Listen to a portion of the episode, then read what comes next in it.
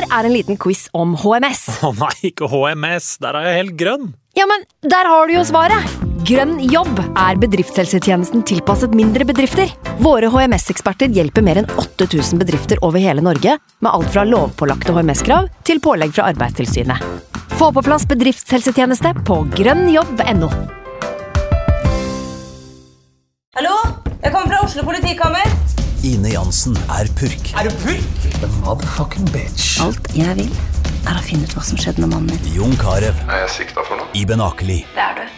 Ole So, Lars Berrum og Big Daddy Karsten. Hvem sin side er du på, egentlig? Anette Hoff, Tone Danielsen, Kommer du fra Afrika?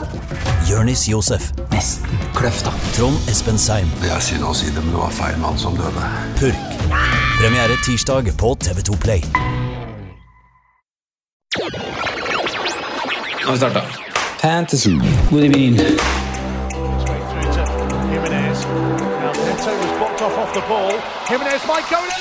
through to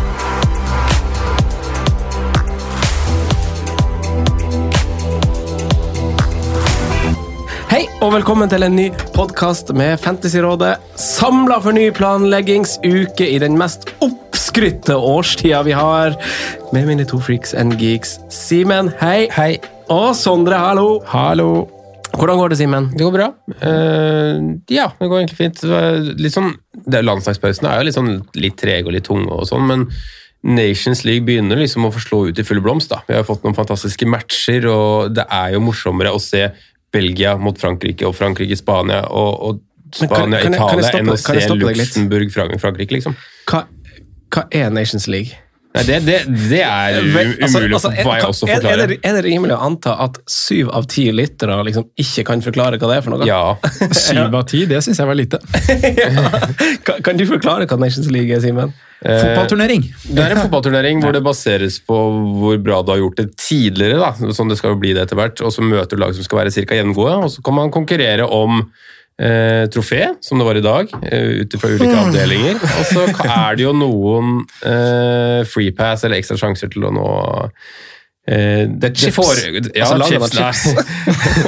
Men det er noen ekstra muligheter til å nå det forekommende mesterskapet. Da. I denne omgang så er jo det 2022 Qatar, Så, Som vi ikke skal se på uansett. som vi ikke skal se på Så parallelt med, med VM-kvalik, treningskamper, så spilles Nations League også. Mm. Ja, så du har liksom en landslagspause, så har du liksom alle de Ja, det har du faktisk. Eller, om Det- du vil, altså sånn, det, det spilles treningskamper. Den landslagspausen her, så har du alle tre. Ja.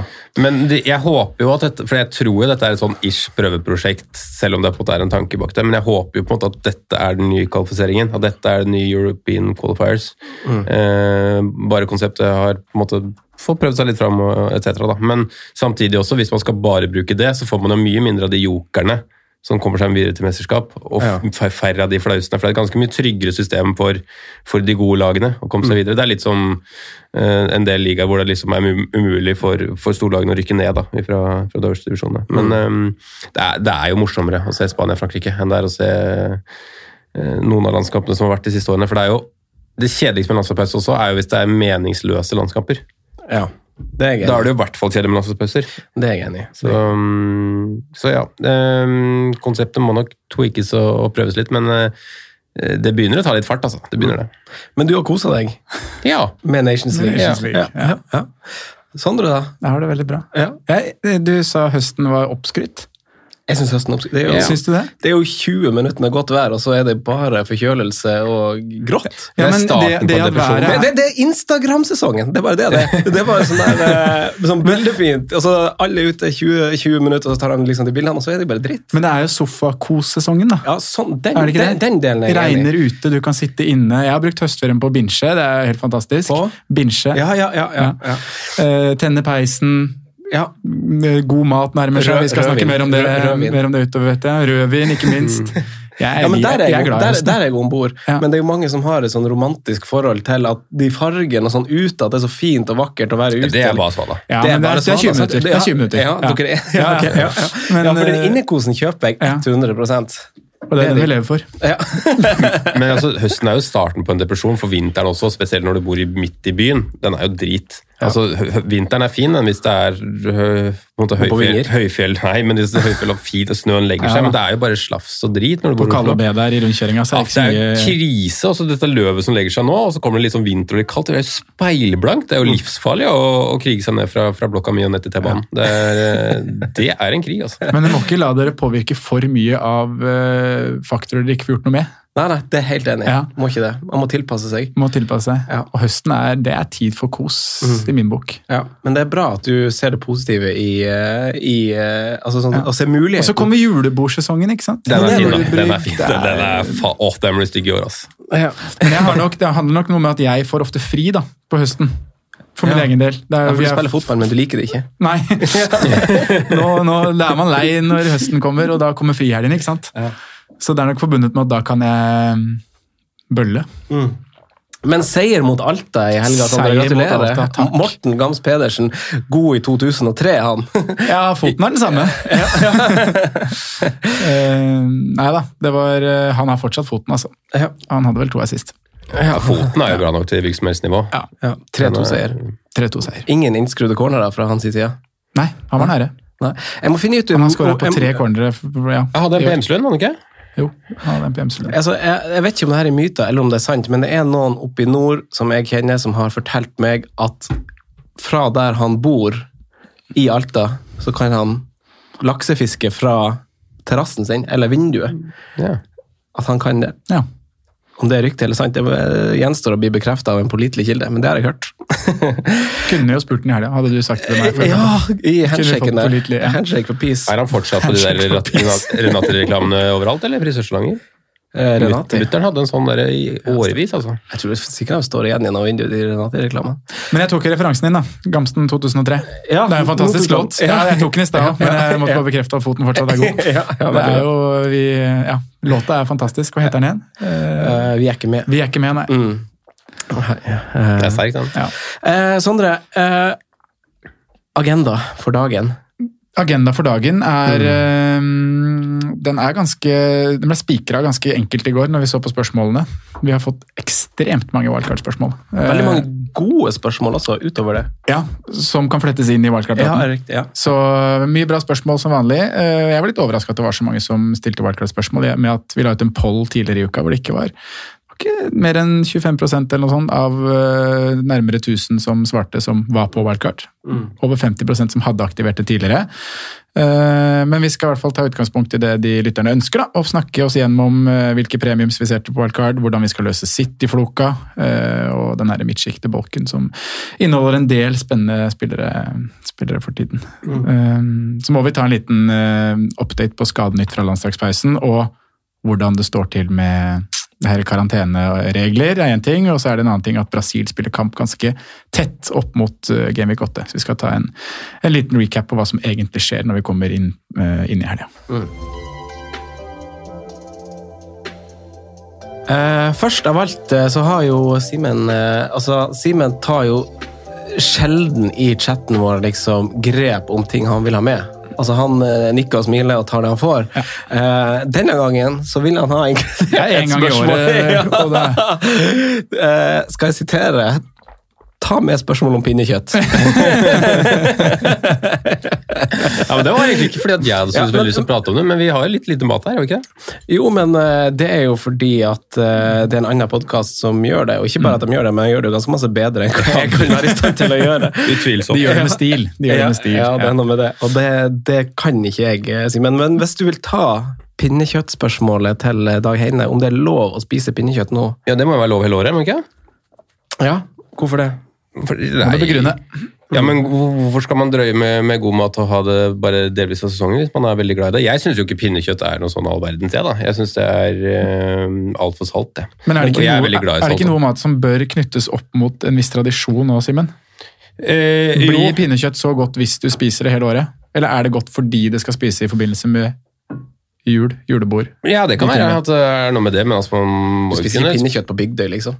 På sommeren der ta, ta opp litt pinnekjøtt av kurven. Og, Selv om du liker det veldig godt, det er ikke det du bestiller når du Nei, mulig ikke. Men, men jeg, jo en, jeg spiste jo en sånn ribbevariant nede på, nede på den der streetfooden en gang. Eh, det var midt på sommeren. Det var like godt da, det òg. Eller like godt, det var jo en helt annen type ribbe da enn den bestemor og bestefar lager hjemme på juletidene. Men, Men er det for eh, tidlig for den bestemor og bestefars ribben nå? Eller- Nei, jeg hadde spist det med stort hjerte, og om, det hadde vært, om jeg hadde fått servert det nå. Eh, jeg lurer på hva jeg får servert nå. Bestemor og bestefar skal feire sånn 60-års bryllupsdag på torsdag. Da, vi, da fikk jeg forespørsel om å være hjemme for å ta en litt sånn, kunne feire med en liten lunsj. Ja. Jeg er veldig spent på hva som blir servert der. Altså. Snitt, da. Koldtbord med kabaret. Altså, jeg, jeg, jeg syns jeg spiser pinnekjøtt såpass sjelden utenom julesesongen at hvis jeg får det servert i februar, så er jeg veldig happy. Mm.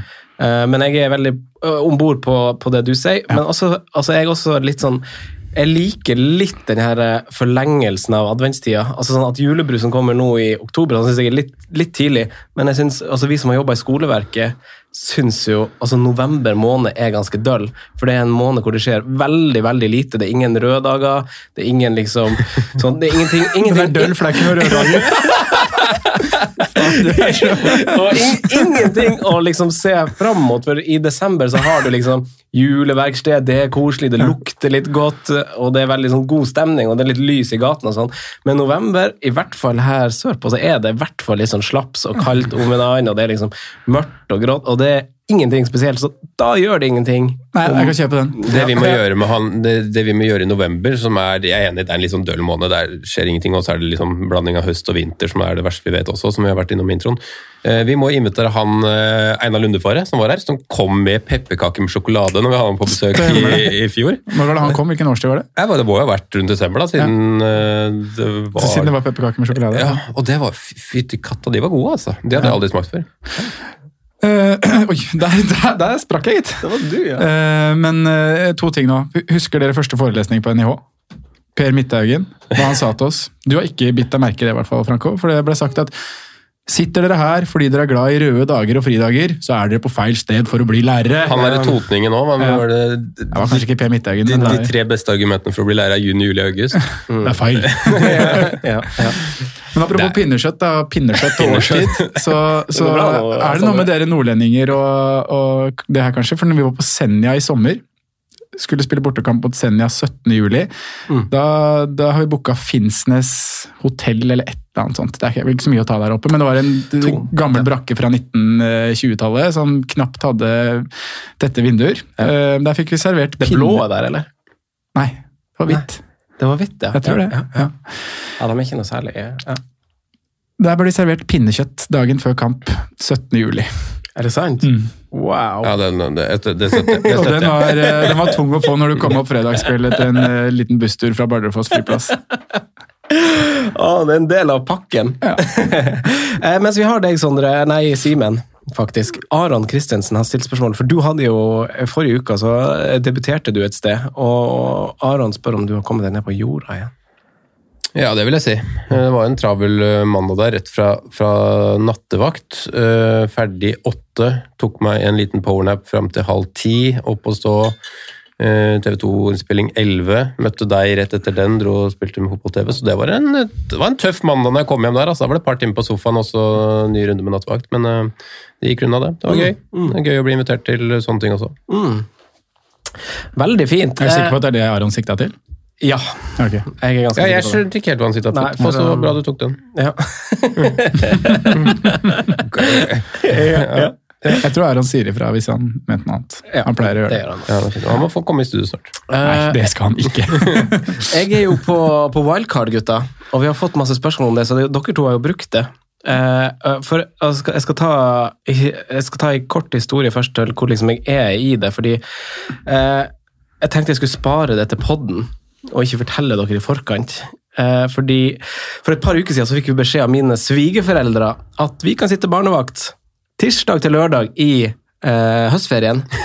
eh, og det er jo megahyggelige, superhyggelige svigerforeldre og sånn besteforeldre. Så da handla det om for oss å finne et direktefly som tok oss lengst mulig sør innenfor eh, liksom, rimelig tid. Eh, så tidlig som mulig på tirsdag nedover, og så sent som mulig på lørdag hjemover. ikke sant? Eh, så da skulle vi til Algarve på tirsdag, da, eh, i Portugal. Men så ble vår sønn han ble sånn bananasyk, sånn vanvittig syk, sånn febersyk. som Han, han har ikke pleid å vært så masse syk eh, i sitt liv, i sitt to år gamle liv. Eh, Men det ble sånn legebesøkssyk, så vi var hjemme og måtte avlyse den turen uten at det egentlig føltes noe kjipt, fordi at vi har en gutt som det går ganske dårlig med, men så gikk det liksom bedre etter hvert, da. Så vi tenkte at nå, på torsdag kan vi dra. Eh, og da var det liksom samme regler, og så kunne vi forlenge til mandag. Eh, og, men da fikk ikke samboeren min fri. Hun fikk ikke permisjon uten lønn på mandag. Så da uteblei den, den turen vi skulle til NIS.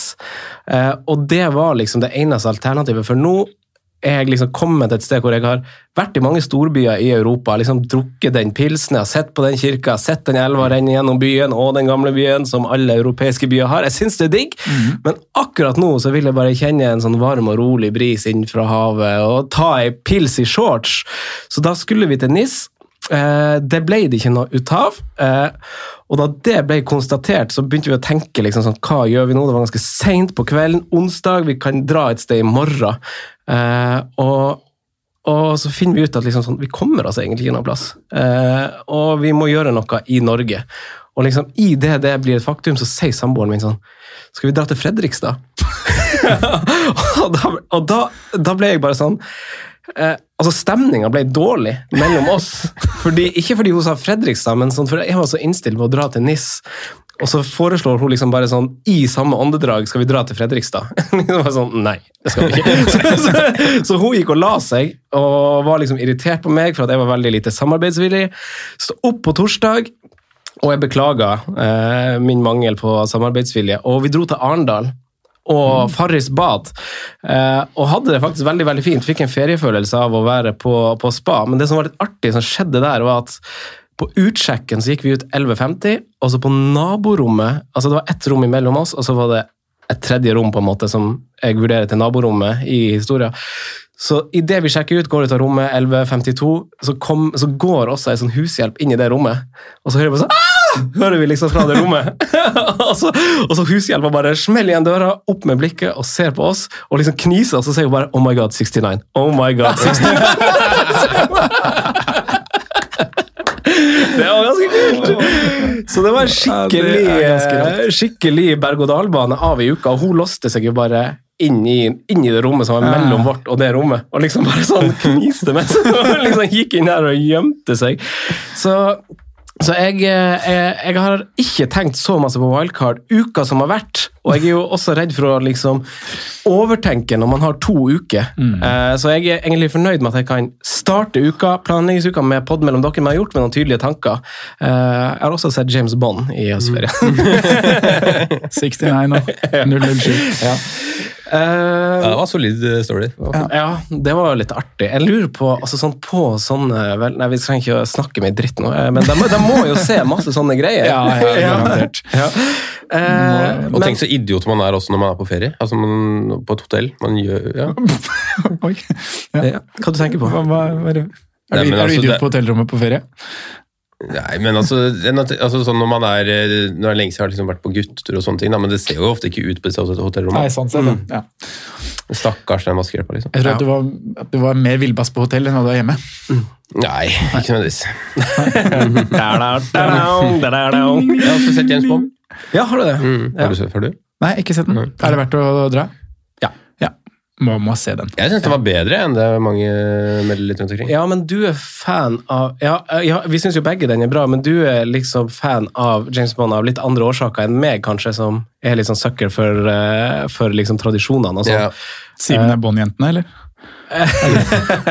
Nei, han, ja, Simen, han, Simen er jo glad i kvalitet, han, så det er ikke det, men man ser det på litt ulike måter. og Man liker jo, man må jo ta ting for det det er. Da, jeg syns egentlig ikke James Bond var bra før Casino Royale. Ja, for, ja, for der føler det starta for mange. Og der syns jeg er den klart beste fortsatt. Ja, det er jeg egentlig enig i. Og så har jeg Skyfall som nummer to. Men, jeg, men, jeg, jeg, men, jeg, ser jo også sjarmen i de gamle og sånn. Altså, jeg er sånn som plutselig, på høsten kan sette, ja, nå, finne ut av sånn, nå skal jeg begynne å se James Bond. Og så, og så ser jeg liksom film etter film liksom, og bruker et par måneder på det. Jeg, jeg, så, jeg så, jo uh, halvveis Skyfall og Spektre før, uh, før det nye. Jeg hørte, jeg hørte noe rykte om at jeg i hvert fall burde se Spektre på nytt. så...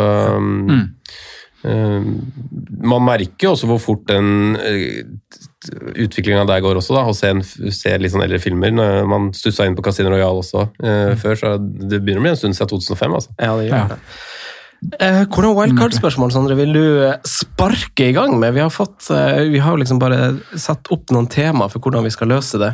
Hvordan tenker du? Uh, nei, skal vi snakke litt om runden som gikk? For det er liksom litt relevant for min del, for jeg har jo jeg kjørte wildcard forrige runde. Ja. Så det er litt, uh, litt greit å ta en catch-up der, kanskje. Det er en catch-up å ta, Ja. så må dere gjerne flette inn. For det er noe det sykt mange det, det du sa innledningsvis, Sondre, at det er jo veldig mange skader, det er mange flagga spillere, det er Ja. sene landskamper. Uh, kan ikke du dele den infoen du, du er bekymra for, eller har? Men vi kan ta kort på hva vi, hva vi vet om uh, karanteneregler og sånn. For nå er det jo en liten forandring fra forrige landslagspause. Uh, I forkant av Genvik 4 så var det et par spillere som måtte uh, stå over fordi de rett og slett ikke kom inn i landet. Måtte sone litt karantentid og sånne ting. Nå er jo den regelen gjort litt om på, så nå kommer alle spillere som er vaksinert med to doser, kommer inn uavhengig om de har vært i rødt land eller ikke. Eh, Så ingen mellomstasjon i Kroatia. Nei, slipper den eh, lille solferien nede på uh, Dubrovnik. På Split der, eller Dubrovnik, eller noe, hva du måtte ønske. Ehm, så det er jo en vesentlig forskjell, men det største bekymringspunktet for mange nå er jo Brasil sin sene match mot Uruguay, er det det? Mm, Ja, Uruguay. Eh, norsk tid spiller de 01.30. 02.30. 02.30 norsk tid, ja. Så Eh, 0-30 engelsk tid. Ja. Fredag 15. oktober. Ja, Ja. riktig. Og neste kamp for Liverpool er tidlig match lørdag. Neste kamp for Leeds er 16 0-0. 16.00 lørdag. Eh, Det gjelder jo Alison, det gjelder Fabinho, det gjelder Rafinha. Du har Thiago Silva, er vel også med for Brasil. Ja. Eh, Fred er med for Brasil. Ederson. Eh, Ederson er med, og Emerson i Tottenham er med. Ingen Jesus. Jo, Jesus òg. Ja. Uh, I tillegg så gjelder det Cavani i Uruguay. Uh, Så det er jo et stort spørsmålstegn. Hva, hva, nå har vel uh, brasilianske treneren vært ute og sagt at han ikke kommer til å la noen spillere dra hjem tidligere. Ja. At han skal holde alt i kampen. Så um, det er jo ikke menneskelig å spille den kampen. Nei, og, det, og det sa han jo også, det er rett og slett fordi at han kan, skal liksom ikke forskjellsbehandle eller gjøre, gjøre noen klubber noen goder mot de andre. da. Altså Nei. Det hadde vært slemt for, for United hvis han slipper Rafinha tidlig og ikke Fred. Altså Det var det jeg på en måte tok det på. Det skjønner jeg også. Det er jo ikke det er ikke han som skal stå i den krigen her. Her må det jo være noen mer samarbeid mellom forbundene. Ja. uh, og det er det det er som på en måte krigen har vært nå også, fordi klubbene betaler lønna, men samtidig så vil alle representere sitt landslag og, og det der. Men det, det må jo gjøres noe her, og ikke bare fordi at vi er i en pandemi og covid og, og det greiene der, men det er jo ikke forsvarlig sånn menneskelig og, og helsemessig eller psykisk å skulle både spille en kamp så tett oppå hverandre i to forskjellige verdensdeler, men også den derre eh, restitusjonen og jetlagen og alt det der, da. Det er jo, det er jo ikke bra. Nei, så den er jo For wildcarders så er vel kanskje Rafinha aktuell. Man må jo følge litt med på den. Um, Det er en- ja. Nei, Nei, det er en stor varsko. det er en stor varsko. Ja. Det er ikke noe merka i fantasy-sida ennå. For det for de er jo ikke skada. Nei, ikke sant. Nei. Um, andre spillere som er uh, klargjort, da, Raúl Jiménez er jo en godt eid mann. Uh, og Der er det kommet bekreftelse på at han kommer tilbake, så han rekker Gameweek 8. Han har jo vært i Mexico og spilt et par matcher. Uh, Antonio ikke vært med vel i det hele tatt for Jamaica, så han er også klar til Gameweek 8. Mm.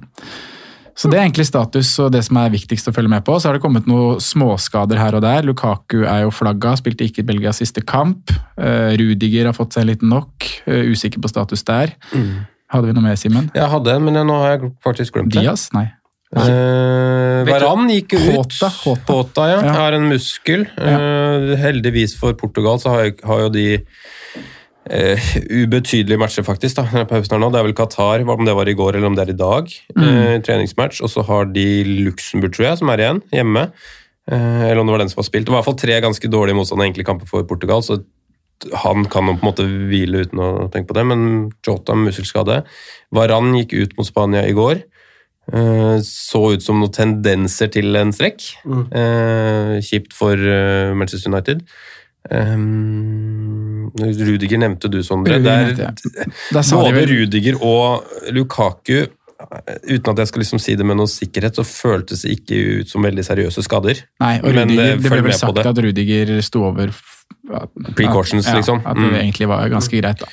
Så, men følg med på det. Men Mm. eh, det virka ikke som det var like seriøst som kanskje det som kan skje med Var- Varan. da. Det Mm. så ut som en altså, veldig sånn klassisk at du tar deg til låret. Så det kan jo være alt fra en uke til halvannen måned. Det blir jo en veldig generell tommelfingerregel, egentlig. I hvert fall i landslagspausene, det å følge med på pressekonferanse. For da Vi har jo skjønt det gjennom, gjennom årenes løp med å være fantasy-trenere at, at managerne for klubblagene gjør, jo, gjør jo sett for å sørge for at spillerne får minst mulig spilletid på landslagspausene. Ja, det. Så, så det blir jo alfa og omega å følge med på hva som sies i pressen. Og vi venter jo fortsatt på en del andre svar også. liksom Trent Alexander Arnold, Mm. Harry Maguire, Reece James, eh, Bamford. Det er en del spillere som har vært ute som Calvert Lewin? er Calvert Lewin, ikke minst. Kjempeshout. Så det er jo en del sånne spillere som, som man bare tenker sånn Etter landslagspausen så er de tilbake, og så treneren gir dem den der Tar han ut den siste kampen, lar han stå over den siste gameweeken før en eh, landslagspause får ei ekstrauke. Altså. Ja. Så vi, det er veldig viktig etter landslagspausen å følge med på hva trenerne sier, tenker jeg. Ja, Får håpe at de som eh, er trener for brasilianske spillere, da kan åpne litt opp om hva som egentlig kommer til å skje der. Mm. Man kan få noe tydelig svar på Rafinha og alle Ja, men altså, Ut fra hva jeg forstår, da Nei, Femino er ikke med, han. Sorry. Femino er ikke med, nei. Men ut fra hva jeg forstår og hva vi har snakka litt om før vi spilte inn Sondre og sett på tidspunktet, og sånn, så kan jeg ikke forstå at noen av Liverpool-gutta, eh, Ederson, eh, Nei, Rafinha, så tidlig. Fred, at noen av de skal spille. Ja. Eh, Egentlig ikke er Martinez heller, men jeg føler liksom at han kanskje blir kasta for å si det, ja, kasta ut ulvene mot Wolves. Men um, Han føler jeg egentlig kommer til å spille, men det ellers så Ja, når er det Argentina har siste matcha? Timen før eh, Brasil. Ja, eh, mot Peru. Eh, den også er vel i Argentina. Eh, For han slippes heller ikke tidlig. ja, det, det kan jo være, da. Det har jeg ikke oppdatert meg på Argentina. Men Nei. gitt at han spiller, da, så Det ser man jo. ja. Det ser man jo, ja. Det ser man jo. Ja, nei da, Så det er, det er news. news. Ja, det er masse å følge med, med på, på faktisk. Og skjønner jo at folk kanskje er litt bekymra for, for hvordan jeg velger å, å tenke. Mm. Hvordan har det gått med wildcardet, Sondre? Hva tenker du? og... Det har gått greit. Ja. Eh, Kan- kan jeg tenkte jo på det når du, sa, når du sa du skulle wildcard sånn to ukers hvor du har for lang tenketid. Ja.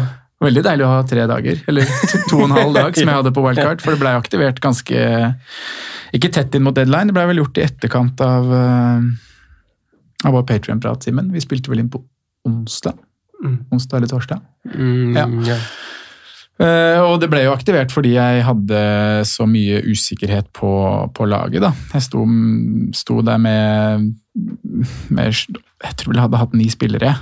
Eh, og et par av de ville vært Luke Shaw, som jeg ikke var så fornøyd med. Mason Greenwood, som jeg var usikker på om spilte. Eduard, som jeg tok en punt på, som var veldig dårlig i den puntkampen. Eh, så jeg var også usikker på om han plutselig skulle bli tatt ut igjen, og at eh, Benteke var inne på laget.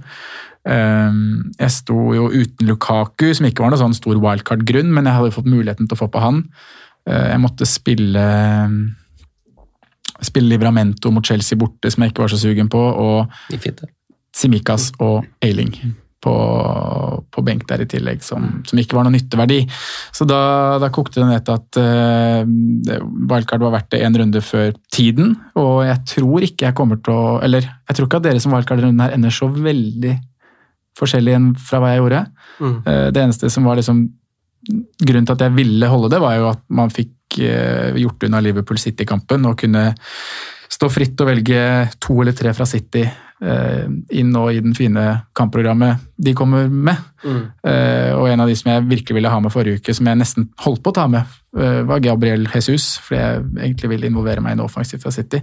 Eh, så har ikke den blitt noe enklere for dere nå på wildcard, i og med at han kanskje spiller kamp natt til, natt til fredag. Da. Så mm, eh, ja, nei, men jeg endte med Jeg kan ta dra gjennom laget her, hvor det var eh, en tight vurdering på keeperplass eh, mellom Guaita og Ramsdale. Da endte jeg på sistnevnte. Uh, rett og slett fordi jeg tror at han ja, han, står på et bedre lag, da. Det er det det koker ned til, egentlig. Uh, vi er usikre på hvor lenge han har plassen, og at det alltid vil være en usikkerhet med at Leno er en god keeper som sitter på benken. Uh, men jeg bestemte meg for at jeg går for Ramsdale og tar eventuelt et hit da, den dagen Ramsdale blir benka. Da får jeg ta den tid når den tid kommer. Eller det byttet når den tid kommer. Jeg tror Arsenal utskårer Palace på clean shit ganske greit i løpet av de neste åtte til ti rundene. Um, så ja, det kokte ned til at Arsenal er et bedre lag og kommer til å havne høyere på tabellen. Dobbelt Chelsea bak. Rudiger Aspi, eh, Cancelo. Eh, I tillegg tok jeg med Trent. Det var også en liten vurdering om jeg skulle gå dobbel City bak eh, i to kamper og så bytte inn Trent igjen til runde ni eller ti. Men eh, basert på rapportene Klopp kom med, så vil jeg ha med Trent allerede nå mot Botford. Da, og håper han har klart den. Mm. Eh, Livramento som femtemann bak. Sala, eh, Rafinha, Gallagher, Saka ble, ble en liten punt der på midtbanen. Sto mellom han og Benrama, egentlig. Eh, Det var vondt å bytte ut Benrama, for jeg ville ha han i den kampen som gikk nå, men så tenkte jeg at hva hadde jeg gjort i Gameweek 8, og da, da hadde jeg nok gått uten Benrama basert på kampprogrammet Westham kommer inn i nå. Så valgte å se litt fremover og syns Saka-punten var fin. Sissoko sistemann på, på midtbanen. Eh, På topp så kasta jeg Ronaldo og gikk til Lukaku. Beholdt Antonio og satt inn Raúl Jiminez som tredje spiss. Mm. Så ender totalt på 55 poeng, og er rimelig fornøyd med laget fremover. Det er jo en god runde i en mørk runde. Mm, var egentlig Eh. det. Liten grønn pil og opp på 40 000 overall. Simen, da, du har to bytter nå, så du sparte bytte. Ja. Eh, litt sånn absurd situasjon, fordi at eh, det er vel kanskje den runden laget mitt sånn aller, aller mest at noen gang har trengt et bytte. Da velger jeg å sparebytte. Eh, men det var rett og slett fordi vi, vi var innom det flere ganger i løpet av forrige uke på Patreon og på Clubhouse og etc. Men jeg, jeg skulle gjøre Reece James til Andreas Christensen. Jeg. Det skulle jeg egentlig gjøre hele uka.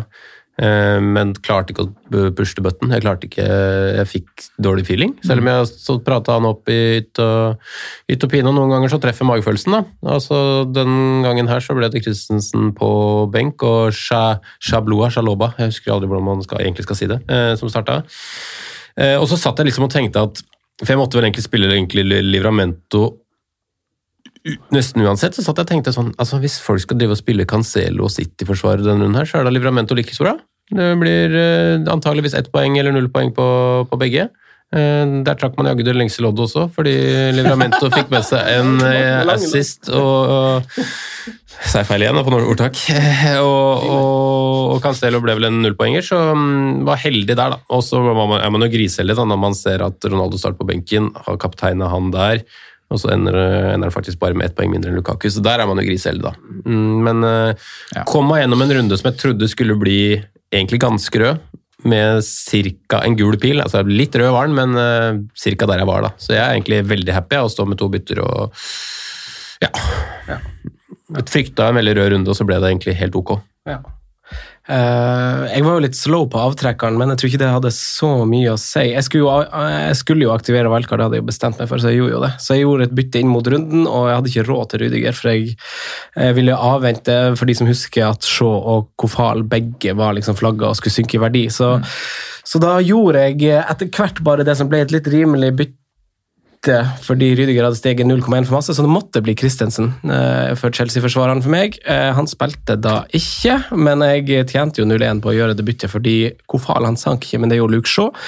Eh, så det er greit. Jeg var jo megaglad etter lørdagen. Fordi jeg hadde jo cappa Antonio, som spilte mot Brentford på søndag. og så hadde Lukaku og Ronaldo blenka. Men det gikk jo ikke bra. Jeg, herregud, så jeg gleda meg til den kampen der. Men eh, Skuffelse sku- incoming. Skuffelse ble det bekrefta. 46 poeng, så det var liksom, jeg følte at det var akkurat sånn det var litt bedre enn resten av verden, men det var veldig sånn på det jevne i, i våre, våre rom. holdt jeg på å si. Det er liksom, I miniligaen så er det grønt de Nei, ja, jeg tror det er 50-50 grønt og rødt, faktisk. Så nå er wildcard aktivert, og jeg tror for, å, for å hoppe på det du nevnte, Sondre, det med at hvordan mitt wildcard vil se ut kontra det, så tror jeg også det vil være få forskjeller. Jeg tror det er en del resultat som var runden som gikk nå, som vil påvirke eh, en annerledes trend og, trend, og det er jo kanskje Brentford sin seier mot Westham. Eh, for meg var det ganske lett å, å kaste Ben Rama og Kofal, åpenbart, og jeg kommer også til å kaste Antonio, mest sannsynlig, for jeg syns ikke Westham har så fine kamper. eller jeg syns, jeg syns de har greie kamper, men jeg tror jeg syns det er bedre alternativ. hvis Ja, kan det er den spennende, den diskusjonen der. Ja, Fra kaptein til kast. Du må begrunne godt. Ja, jeg har ikke noen god begrunnelse. Nei, vi kan ta det etterpå. Uh. Kan uh, finne ut en begrunnelse underveis. Ja, det kan jeg gjøre. uh, Brentford er, er i hvert fall et altså MBUMO og Townie, en av de skal jo garantert på, og det var jo ikke like stor snakk i stad. Og hvis man også skal se litt framover, så Det var ett lag til jeg tenkte på, men eh, Nei, det er kanskje hovedsakelig Southampton, kanskje? Og så- er det, ja, Rent picture-messig er kanskje Southampton, men der tror jeg det nesten holder med Livramento. Ja. Uh, og jeg syns også andre spisser er mer spennende. Armstrong er jo en Armstrong. liten shout, men jeg, Ja, jeg følger det. eh, og så er det kanskje den City-Chelsea-greia. Jeg tror kanskje det vil være mer uh, Altså mer det at man går for to City bak enn to Chelsea, da, som Mm. kanskje var forrige, eh, og snu litt på den. Eh, men, eh, men ja, få høre, Anton. Altså, jeg, eh, jeg eh, kaster Hvis jeg kaster den, så gjør jeg, gjør jeg det av eh, kampprogrammet til, til Westham, og legger til at det er europaspill. Eh, vi vet at det er en, en ganske vill sånn skade. Nå taler jeg jo bare min sak, og jeg vet at det er veldig enkelt å lage en sak når man har gjort seg opp en mening, men eh, det er kampprogrammet som er Altså Benitez nå, og så er det Tottenham, og så er det Villa borte, som jeg syns har hatt en oppsving. Så er det Liverpool, så er det Wolverhampton borte, god underliggende tall. Så er det City borte, Brighton, som jo er topp fire-lag, og så er det Chelsea. Så jeg syns liksom Jeg tror jeg finner spisser som Nei, Det er vanskelig å si, for han har så sjukt gode underliggende tall sånn Ja, det isolert er sett. det, for nå, nå, nå snakker du uh, ficture-saken her. Ja, altså, du, du, du velger ficture over form. Ja. skal velge spiss. Og mot Brentford så syns jeg både han, eller det er jo spesielt han da, som har sine muligheter, som han åpenbart har en veldig veldig god tendens til å få, men jeg syns bare Westham så litt, for å bruke et sånn Wenger-begrep, litt sånn jaded ut. De var litt sånn der Å ja, vi hadde kamp på torsdag, det vises jævlig godt på søndag, liksom. Og det, det er liksom torsdagskamper ut, eh, ut kalenderåret for dere. Eh, Legg til at det kommer eh, liksom ligacup og midtukekamper i Premier League også fra november. Eh, det er bare et spørsmål om tid før den der hamstringen hans revner. Men så er det liksom nok en gang, da, så blir liksom laget som får møte Brentford, blir på en måte prata ned og, og vurdert til kast. da. Altså, eh, de fikk en nok en gang av Brentford. God matching, god motstand. Eh, det er få lag som dominerer Westham i lufta, det gjør Brentford. De herjer med, her nå med både Liverpool og, og, og Westham i luftrommet, og det er ikke to lag du liksom bare gjør det mot. da. Se på, se på liksom stoppere, det er jo Mat- Matip og eh, Virgil van Dijk, det er nå Kurt Zuma og det er Ogbonna. Det er, det er Thomas Solsjek. Altså. Vanvittig fysikk på det nyopprykka laget. Så jeg, ja da, jeg, jeg, ser, jeg ser Antonio kaste som et mulighet, men jeg ser absolutt ikke som, det, som en nødvendighet. Nei, Jeg tror det- man fint kan stå der. Men jeg vil gjerne høre hvem du vurderer han opp mot. Hvis Ja. du tar, eh, Det er jo ulike det- veier inn her, da, men Ja. Lukaku Skal jeg starte veldig sånn Hvor- hvor- og, snevre det inn? Skal vi begynne på en spissprat, for- for- for- for- Vi skal begynne på en premiumsprat. Ja, man får det- det- det- Lukaku, det er Harry Kane Det er jo noe annet. Det er jo her det starter. Ja. Fordi Sala er jo bankers. Mm. Eh, Det er jo Ja, han syns jeg kan ta med det. Ja, Det er med all sannsynlighet også Lukaku. Ja. Eh, Og da begynner man å stille seg spørsmålstegn. Skal man ha Men ta, Eh. bare for for å avbryte, ta Lukaku der, da. Hvorfor syns du han er bankers? Vi har fått ganske mange spørsmål fra folk som mener, eller som spør om det kan være mulig. mulig kaste han, ja. ja, kaste han, se Ja. andre veier, må han på, de som ikke har kommet seg dit. ja. Eh, eh, hvorfor er du så sikker på at han skal f fordi de har Norwich, Newcastle og Burnley i løpet eh, tre av sine neste fire kamper. Eh, Den er ganske grei, og, og, så de er ganske klink, de to der, Salah og Lukaku. Og da, på wildcard så stiller man seg jo spørsmål om det her premium-greia. Skal Mm. man ha tre? Eh, og da er jo kanskje det heteste navnet, som, hvis man vil være litt i forkjøpet, så er det jo De Bruyne. Mm. Vil du komme ned på De Bruyne nå mot Burnley? Uh, så, og da gjør det jo at du må Da må du i hvert fall gjøre en ofring, og da går, ryker jo i hvert fall Antonio, og da er du plutselig i en eh, slags altså 4-4-2 eller noe sånt. da. Eh, og da kan du ikke ha en så dyr spiss ved siden av Lukaku. Det er den ene tingen. Og den andre tingen er at jeg holder Raúl Jiménez over eh, med tanke på kampprogram og oppsvingen til Wolverhampton i form. Eh, Du ser en trend der med masse bedre underliggende tall. Det er vel bare Liverpool som har skapt flere store sjanser enn det Wolverhampton har gjort på siden forrige landslagspause. Eh, Så en solid oppsving, og etter han der He Chan kom inn i laget, en kjempefin dynamikk mellom de to. Og han også kan egentlig snakkes opp Ja. eh, ganske heftig, for han har veldig gode underliggende tall med tanke på at han har litt begrensa minutter. Eh, Og jeg syns Wolverhampton i større grad har har, eh, har finere kamper, eh, egentlig, enn en, enn, eh, Westham. Og så er det Gabriel Jesus som jeg har lyst på, da. Eh, det, da er vi tilbake på, på City-praten. Hvis, hvis du utelater De Bruyne, da, så er du tilbake til å skal velge blant Diaz, Cancelo, Foden, Grealish, Jesus. Det er vel de fem. Vel tre av fem, liksom. Eh, og da har jeg litt lyst på Jesus. Eh, og med De Bruyne så får du bare to City-spillere, er det jeg har funnet ut på Wildcard. Da har, har du ikke råd til å, Nei, til, til å få liksom, Hvis du skal ha Trent og Sala og Lukaku. Eh, så da er spørsmålet om du skal ha De Bruyne, og det jeg har valgt å gjøre, er egentlig å utelukke De Bruyne-muligheten. Eh, det er den ene årsaken, at jeg tror at summen av å kunne ha tre er bedre enn å ha De Bruyne. og en annen grunn til at jeg ikke skal ha De Bruyne, og jeg ikke anser det som er så viktig, er fordi Lukaku har de kampene som han har, Salah har de kampene som han har. Eneste kampen på liksom ti runder det er aktuelt å kapteine De Bruyne, egentlig denne runden, mot Burnley nesten. Eh, og utover det så er det Sala Lukaku, Sala Lukaku. Eh, Holly helst bare Sala, liksom. Eh, og da tror jeg, når jeg ikke skal kapteine De Bruyne, at summen av å ha eh, tre City-spillere er bedre enn å ha to, og en av de De Bruyne, da. Eh, det er vurderinga jeg har tatt, og da holder jeg også Jesus over eh, Antonio. Har, det eneste kampen han starter på benken, er runde én. Eh, og de andre kampene har han rett og slett starta. Så man får jo noen sånne følelser på ting. og Jeg husker jeg var forsiktig med å anbefale det for noen runder siden. og liksom Være veldig sånn hard. Sett på Jesus nå.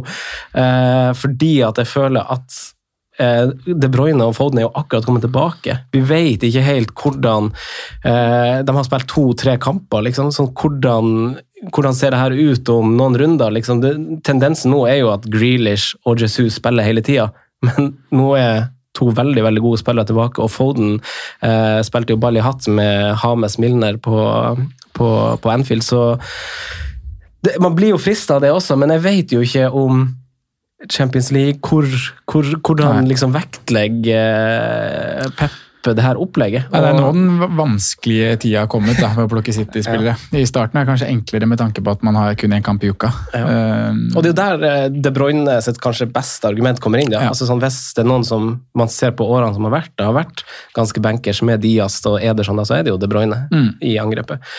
Så, så, men jeg syns det er en heftig pris å betale, for jeg tror at liksom Foden, Hvis jeg klarer å ha liksom Foden og, og Diaz ved siden av Cancelo, da, at det, det er bedre. Mm. Eh, Hva tenker dere? Jeg konkluderte med det samme når jeg uh, satt på mitt wildcard forrige uke. Da var ikke Kevin så aktuell som han kanskje ville vært nå, eh, men jeg så på muligheten for å ha en kort vei til tre premiums fra runde åtte. Eh, men jeg følte at totalpakka ble bedre da, med å ha to premiums og så spre midlene i de andre plassene, fordi det er så mye fint å hente midtsjiktet både på spiss og på midtbane. Mm. så kort, kort sagt så har jeg konkludert med det samme. Eh, og så bare sånn for å, vi, har- vi har fått eh, spørsmål om Harry Kane, så bare for å ta han, så, så han har aldri vært aktuell, var verken aktuell på wildcard forrige uke, og jeg vil, jeg vil ikke ansett han som aktuell nå heller, selv om man kanskje har troa på at han skal komme seg mer i, i skåringsmodus nå etter hvert. Eh, programmet er fortsatt ganske småtøft for Tottenham, og de har ikke bevist noe som helst som tilsier at eh, i hvert fall han til 12 millioner skal vurderes. Eh, da ville det heller vært nærmere sånn, altså til 10 millioner, som faktisk har levert tre skåringer. Jeg, jeg synes jo akkurat med Spurs så synes jeg man kan bruke de fire neste på å liksom virkelig se, da, for Mm. nå har det jo vært vaklende. Det starta veldig bra, og så, eller veldig bra. Det starta med, tre- med ni poeng, og så har det jo vært eh, katastrofe etter det. det. Ja, så det har vært katastrofe etter det. Og så har de nå litt sånn vaklende tøft program nå med, med tre bortematcher på de fire neste, inkludert en United hjemme. Komme seg gjennom der, og hvis du starter da med runde tolv og tenker at nå kan vi begynne å se på Spurs, så er programmet fra runde tolv og egentlig langt fram i tid, med noen få, få unntak, veldig pent. Ja. Uh, og da har jeg sikta meg litt inn på å vurdere Hongmin Son da, eh, i første omgang, og så får man se hva status med Harry Kane er da. Men det interessante syns jeg nå, da, jeg er jo litt annerledes Nå har riktignok ikke jeg wildcard og kan velge så, så fritt som Franco, men for min del så står de egentlig mellom én eller to premiums, ikke mellom to eller tre. Ja, for du vurderer å droppe Lukaku, eller? ja. Eh, Jeg gjør, gjør egentlig det, men jeg tror ikke jeg kommer til å tørre det. da Det er egentlig mest pga. runde ni. Norwich hjemme, da vil jeg ha kapteinspinnet der. Ellers kan jeg være fint komfortabel med å stå med omtrent med Mohammed Salah ut sesongen som, som kaptein. Eh, Men grunnen er egentlig at jeg syns det er så mange spisser i det der midtsjiktet som er så interessante nå, og da legger jeg først og fremst vekt på at Dominic Everett-Lewin kanskje er tilbake nå. da. Mm. Eh, Jeg er superinteressert med å få med han. Jeg er egentlig interessert i å beholde Antonio bitte litt til. Mm. Jeg liker Raúl Jimenez, jeg er gira på Even Tony. Eh, Jesus er helt uaktuell for min del. Eh, for det første syns jeg han er det svakeste ledd i City. For det andre spiller han helt ute på høyrekanten og sleiker. Han har jo vært kjempegod denne sesongen. her. Nei, jeg syns fortsatt ikke han er i nærheten av de andre alternativene der. Også nå som du sier skal Foden inn, og skal Kevin De Bruyne inn. eh, Riyad Mahrez, Ferran Torres, eh, Raheem Stirling. Altså det, greit, de spiller kanskje ikke nå, men um, Pep-ruletten kommer til å spille Jesus uinteressant. Eh, så jeg er liksom veldig interessert i det, i det sjiktet der. Men, og Bamford også skal inn i det sjiktet der tilbake. Så Ja. Men han har falt ganske langt ned på lista nå. Ja, kanskje. Um, for, så for min del så handler det egentlig om om jeg skal gjøre Ronaldo til Lukaku, eller om jeg skal gjøre den til Cavert Lewin. Mm. Eh, og midlene jeg eventuelt får til gode, blir jo på Cancelo. Det blir kanskje på å få en hakket bedre variant for Sarr når han er ferdig med Southampton i runde ti. Eh, de tingene der, da. Har du vurdert Calvert? Eh, nei, jeg vil si at han starter en kamp først. Mm. Uh, rett og slett. Det er litt viktig. Eh, så nei, jeg har ikke det, men jeg er, veldig, jeg er veldig glad i å ha han når han er skadefri. Fordi at han er så målfarlig. Ja, at han er på straffer nå. Ja, ikke sant? Som gjør at måte, han går fra Hvis man sier at verdien hans er åtte ved, ved, ved sesongstart uten straffer, så er han i hvert fall oppe på ni nå. Mm. Ja, jeg, altså, så det, jeg, hadde, jeg hadde litt Det kommer jo an på hvordan angrepsspiller jeg jeg, jeg kjøper ikke det at eh, Jesus er det svakeste leddet, men jeg kjøper at han er en rotasjonsfare. Syns du ikke han er det svakeste leddet i City? Eh, nei. Ikke denne sesongen her. Nei, for jeg satt og tenkte når jeg så Han har nå vel fort vekk vært en av City sine beste. denne Jeg satt og, sesongen her. satt og tenkte på når jeg så Liverpool City nå, at vi hadde en match med 19 verdensklassespillere og tre andre. Og da tenkte jeg Jesus, da tenkte jeg James Milner, da tenkte jeg Curtis Jones, som på en måte er en sånn på vei opp, men ikke er i nærheten av resten av de som er på banen. da. Og hvor du har kanskje i den kampen Mohammed Salah, Bernardo Silva, Phil Foden, som på en måte er nivået over resten. da. Ja, da, jeg kan, jeg kan for så vidt kjøpe den, men hvis vi snakker fantasy-perspektiv, som vi skal snakke om her, da, så er klare fakta er at eh, Gabriel Jesus leverer poeng når han spiller fotball. Han Ja. har spilt 90 minutter eh, i fire matcher. Bytta ut etter 60 i et par. Starta første runde på benken. To skåringer, fire assist. Nå kommer eh, Burnley, Brighton, Palace. Eneste som Jeg var veldig nære forrige uke, og da var det liksom Liverpool-kampen som var én en eh, ting som sto i veien, og det at det var fristende spisser i Antonio Jimenez i sjiktet under, og totalen er litt bedre, da. Tryggere. Men, uh, ja, tryggere.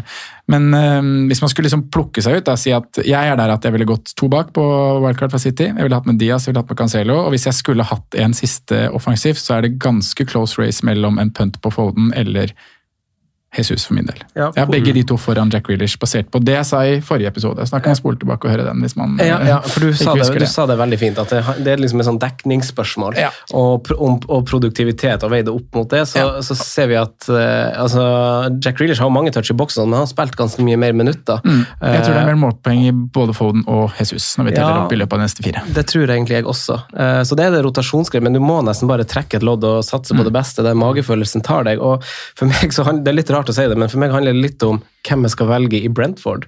Mm. Eh, Du har Ivan Towney på topp, eh, som vi har snakka om kanskje har påtatt seg en annerledes rolle kontra det vi så for oss i sommer, og også basert på det som ble prestert i championship. Eh, eh, Han er jo mer link-up-spiller. Han spiller nier og tier nesten samtidig i Brentford. Han tar jo straffa. eh, Skapt flest store sjanser med sine fire store skapt i det siste spennet nå siden forrige landslagspause, sammen med Bruno Fernandes. Okay, Eh, Mbumo har jo femte høyest expected goals uten straffer av samtlige spillere. Kun Sala, Mané og Ronaldo og Vardi er foran. Så han er femte mest av alle. Eh, det er vanvittig god verdi i begge disse to med tanke på kampprogrammet etter Chelsea. Ja, det er Leicester først der, eh, men de har sluppet inn tredje, tredje flest mål av samtlige lag. Flest skudd i boks har de mottatt av alle lag, flere enn Norwich. Og da er det også viktig å påpeke at Leicester før runde én, dem snakka vi om at dem skulle vi ha, for de hadde et så fint program. Men de har jo pestdårlige tall. Ja, de og møtte, møtte, møtte dritlag. Eh, og så etter den Leicester-kampen så er det Burnley, Norwich, Newcastle som er bånn i bøtta. så Townie, jeg føler at han jo, spiller jo 90-minutterne sine, så må man ha i bakhodet at Vissa har kommet inn og skåret to mål. ene kampen kom han inn for Mbumo, så det er kanskje naturlig å tenke at på et eller annet tidspunkt så får Mbumo et slags pust i bakken. Men eh, nå Disse har sett bra ut. vet. Ja, han har det, har men han har han har ikke bare kommet inn fra MBUMO, det skal også sies. Uh, Men så- Tony er med spikra i laget. Han er med spikra i helt laget, klart. helt klart. Ja, og du har det straffeaspektet der også, som du, som du nevner. Så Men til 5-5 det er en prisforskjell der, vet du. Mm, det er nettopp det det er. Men begge er billige, så det er liksom ikke prisen det står på. Men det, eller det kan jo være det, men MBUMO til 5-5 det er jo så, så god verdi for den som er fremst i banen på et lag som er i form og skal møte de lagene. da. For begge blir for mye. Er vi Ja, ja det syns jeg. Det tenker- syns jeg. Ja, det? det syns jeg. Eh, Men samtidig så syns jeg egentlig ikke at man må altså, Ja, jeg syns begge blir for mye, blir for mye, men jeg syns egentlig ikke man må prate om de uavhengig av hverandre. Nei, jeg Altså- skjønner hvor du vil. Ja. Hva du mener Nei, altså Jeg syns ikke man må liksom tenke at man han eller han, selv om jeg syns egentlig at to, Men det er mest fordi jeg syns to på Brentford er for mye, men jeg syns ikke MBUM er nødvendigvis et dårligere pick enn Tony og motsatt. altså man Ja, Jeg syns det er, liksom, er vanskelig, men jeg tror jeg hadde gått Tony av straffene, egentlig. Rett og slett på, på, Ja. på, på så enkelt grunnlag. Men jeg har bare lyst til å kaste inn én mann også inn i, i premiumsjiktet før vi går helt vekk fra det, og det er egentlig Sadio Mané. Ja. Ja, og det er enkelt argumentert med at eh, man ser kanskje en litt nedadgående dipp på United, som går inn i et tøft program. Man ser en Lukaku som nå Da tenker jeg kanskje først og fremst når Lukaku er ferdig med, Salt, nei, med Norwich og Burnley. Mm. Eh, Sadio Mané sammen Ikke sett like sharp ut som Mohammed Salah i år, men han har kommet ekstremt mye i år. og Jeg lurer på om han er tilbake til eh, i nærheten av der når eh, eller han ble toppskårer i ligaen, da, med 19 skåringer. Om man kan nå det uten penalties også, og at man liksom kanskje kan matche de gutta der. da. Eh, han får jo tross alt også mer poeng for skåringer enn en spissene. Ja. Så mm, en lite sånn uh, langskudd, for han produserer ekstremt mye. Han skåret fire mål i år, fem målpoeng. Mm. Eh, så man kan begynne å vurdere seg litt der òg, tror jeg. For dere som, som ikke er på wildcard, da. Altså, det er jo, Simen, du sier jo det er jo enkelt for meg som sitter med frie bytter, sånn, men er det, Enkelt er det ikke. Nei, det er, det, absolutt, det er absolutt helt feil ord å bruke. Men er det, er det natur, altså, Jeg tenker jo at det er naturlig å begynne å tenke å få inn City-spillere som, som prioritert bytte. Er det, er det det dere også tenker? Hva, og hva, hva, hva tenker dere i så fall? Eh, Jeg hadde faktisk vært komfortabel med å kun sitte med Cancelo fra City. Eh, Sånn egentlig, men jeg skjønner at du har lyst til å, å se på muligheten til flere. Jeg, jeg er også interessert i Phil Foden etter å ha sett han på Anfield, f.eks. Mm. Og det er også naturlig å, å tenke, men jeg tenker egentlig litt sånn samme der med Jesus, med Ferran Torres og alt som skal skje. At det, er, det blir en rotasjon på en eller annen, en eller annen form. Nå var litt Grealish oppe i en falsk nier i periodes, periodevis mot Liverpool. De Bruyne var oppe i en falsk nier periodevis mot Liverpool. De, eh, jeg har lyst, litt lyst til å sitere hvem var det som sa det, Alan Shearer. At en medioker spiss skårer 20 mål i, i City, en verdensklassespiss skårer 40. Og det tror jeg. Eh, tror jeg er sant. At eh, det de mangler for å være en klar ligavinner, er en spiss. Og det de mangler nesten for å vinne Champions League-tittel, er en spiss. Eh, Det er nesten like svakt at de ikke pinpointer en spiss i sommer, som det er av United ikke pinpointer en sentral midtbanespiller. Mm.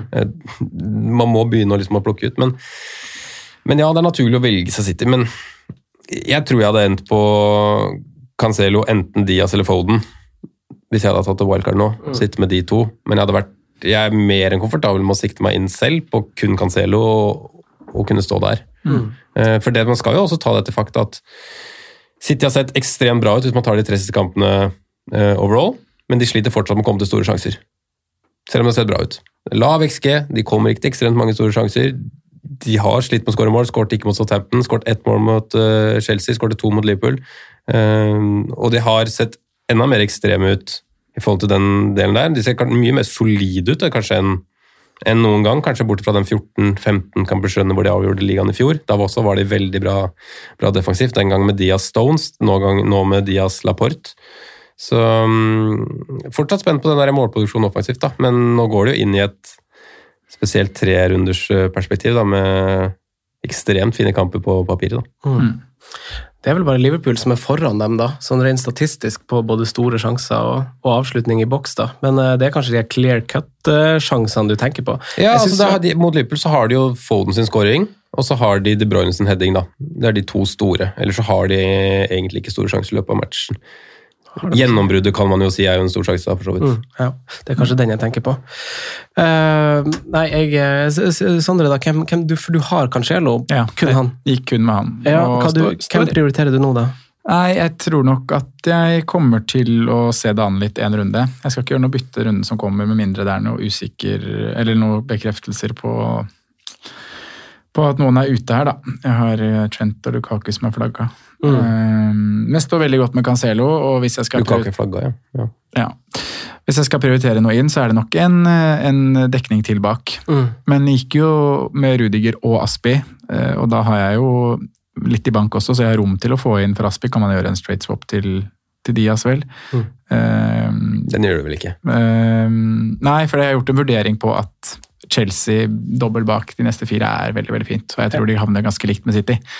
Eh, Så har jeg den spilleren i, i City som produserer noe offensivt bak der, i Cancelo, og så har jeg han bekken Becken i Chelsea som produserer noe offensivt, i Aspi. Så, så sitter, sitter bra der med to offensive wingbacker. Mm. Men eh, hva, altså, det for å bare liksom bekrefte det til alle som har stilt wildcard-spørsmål, og de som kanskje vurderer en ny retning i laget sitt, uavhengig av wildcard eh, Den her dyre backrekka som jo er, har fått medvind, er det, er det, det er der vi er, eller? Ja. Ja, helt klart. Eh, Hvis du kanskje tenker litt billigforsvarere å supplere med eh, kan- eller- Ja, jeg syns det er så enkelt, det, altså. Ja. Men du må kanskje gjøre noe annet hvis du skal ha tre premiums, da, for de som går mot det vi sier, og ta med Kevin De Bruyne Men hva gjør, til hva gjør man da? Fordi at man ser jo liksom, Hvis man ser på lista og forsvarer hvem som har kommet og fått mest til nå, så er det liksom Pontus Jansson. Man går jo ikke dit heller. Nei, kan ha, han, han har tre målgivende, sa han ikke det? Det er helt sjukt.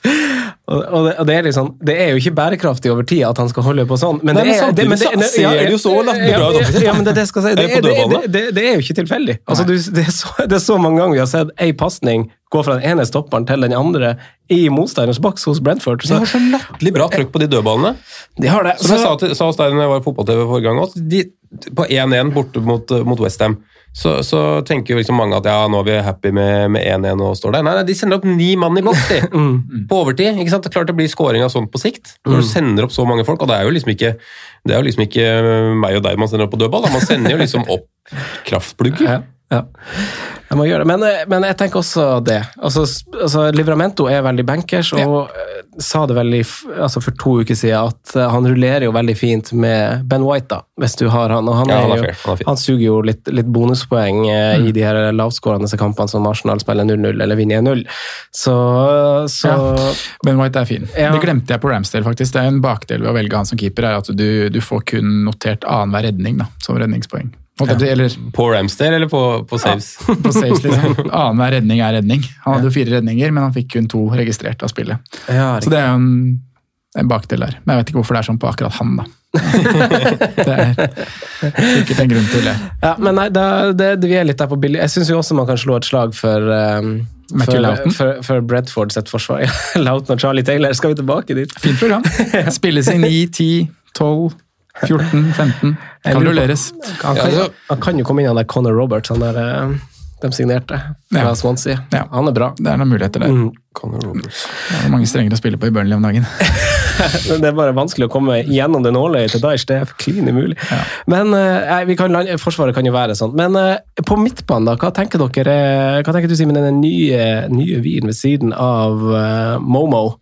Litt For der, der, altså På wildcard der er det sånn, hvis jeg gjør masse bytter fra draft til draft, så er det sånn, der kan det plutselig ved siden av Sala være fire nye. Tre nye. Ja, altså, sånn sånn, helt andre folk. Og jeg syns, eh, jeg syns det er mange spennende, men jeg klarer ikke helt å, å, å si nå hva jeg tror er fasit, på en måte. Altså, jeg sliter litt med å Det er litt muligheter og litt valg. Eh, forrige uke så hadde jeg nok sagt at jeg tror Gallagher er fasit. fasit. Ja, det- Denne runden her igjen så blir jeg nok en gang imponert av Demara Gray.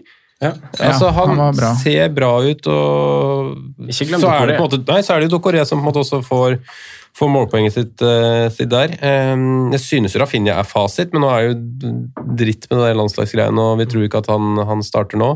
Eh, har- Jeg skulle gjerne ha kippa bort Ismail Azar etter hvert. Eh, Jeg ser egentlig bare for meg at han skal spille én match til i laget mitt, og så ut, men at jeg må liksom sitte og vente på noe gni det ut av han, det tviler jeg kanskje på at jeg gjør. Eh, Jeg syns jo Palace er spennende. Um, Wilfred sa kanskje først og, og fremst. Uh, Gallagher pga. pris. Ben Rama er litt mer usikker på fordi, som det var vel Sondre som sa det i stad, og for så vidt du, at man går inn i en periode hvor man kanskje i hvert fall ikke vil sitte med to Westham. Mm. Eh, de fleste har jo Antonio over Benrama også, så det er Mm. naturlig at han skal ut. Nei, så det er, det er et spennende midtbanesjikte. Townsend har vi jo er jo tredjevalg i Everton. Ja, Everton har for mange alternativer nå. Så ja, faktisk. Sånn har det blitt. Sånn har det blitt. Og så er det jo faktisk spennende når Everton skal plusse på med de to spissene sine tilbake. Mm. Så syns jeg jo de blir egentlig bare mer interessant. Jeg synes, tror faktisk Demar Gray blir mer interessant når vi flytter han ned igjen og så får to mann til på topp.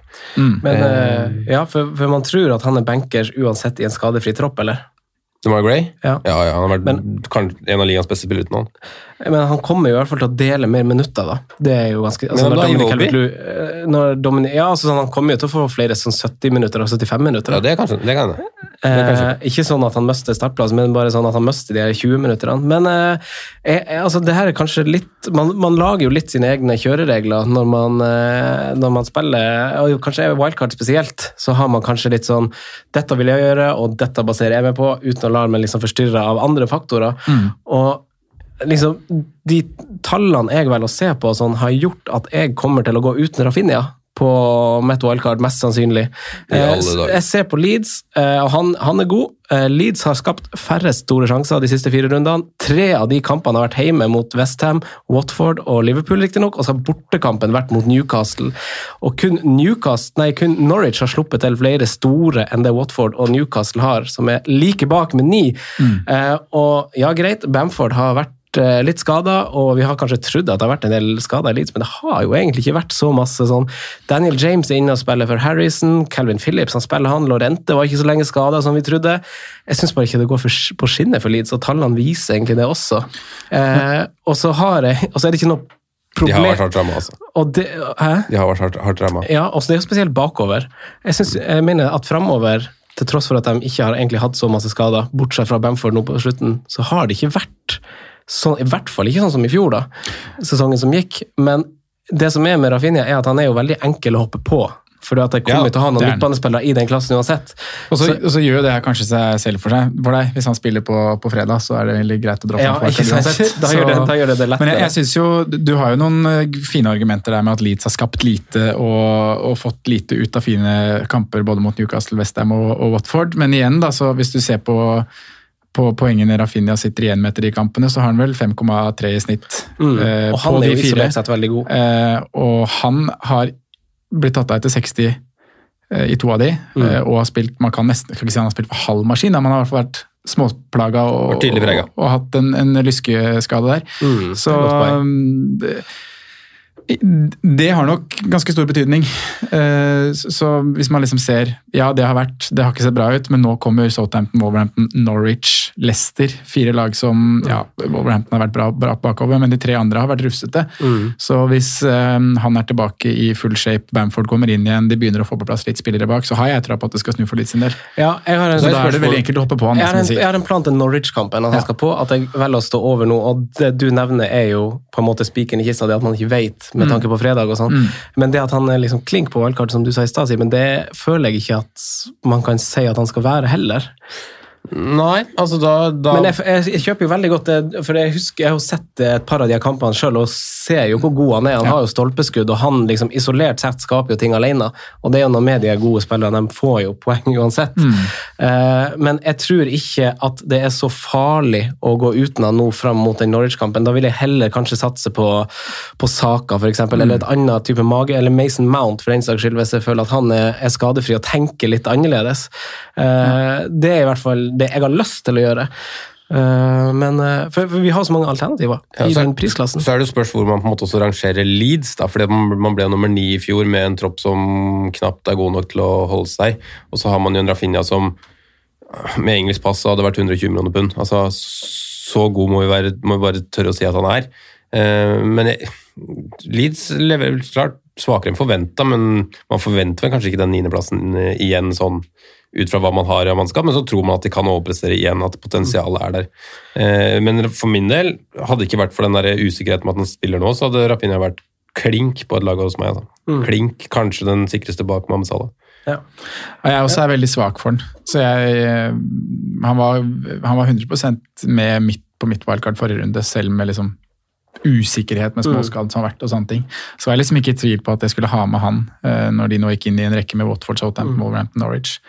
Um, men jeg, det, det, jeg tror du, du får det her avgjort for deg, tenker jeg, på, på fredag. Ja, det gjør nok kanskje det. Eh, Men det blir kanskje vanskeligere for deg da, som er usikker, hvis han ikke spiller. Men, Hvis han ikke spiller kampen for Brasil, så får du jo et litt sånn Ja, vanskeligere valg å ta, kanskje. Ja. Spilleren er det greit. Men hvis du har, altså hvis du har en tolvte mann som kan steppe inn en match, så hadde jeg fortsatt tatt med Marafina, tror jeg.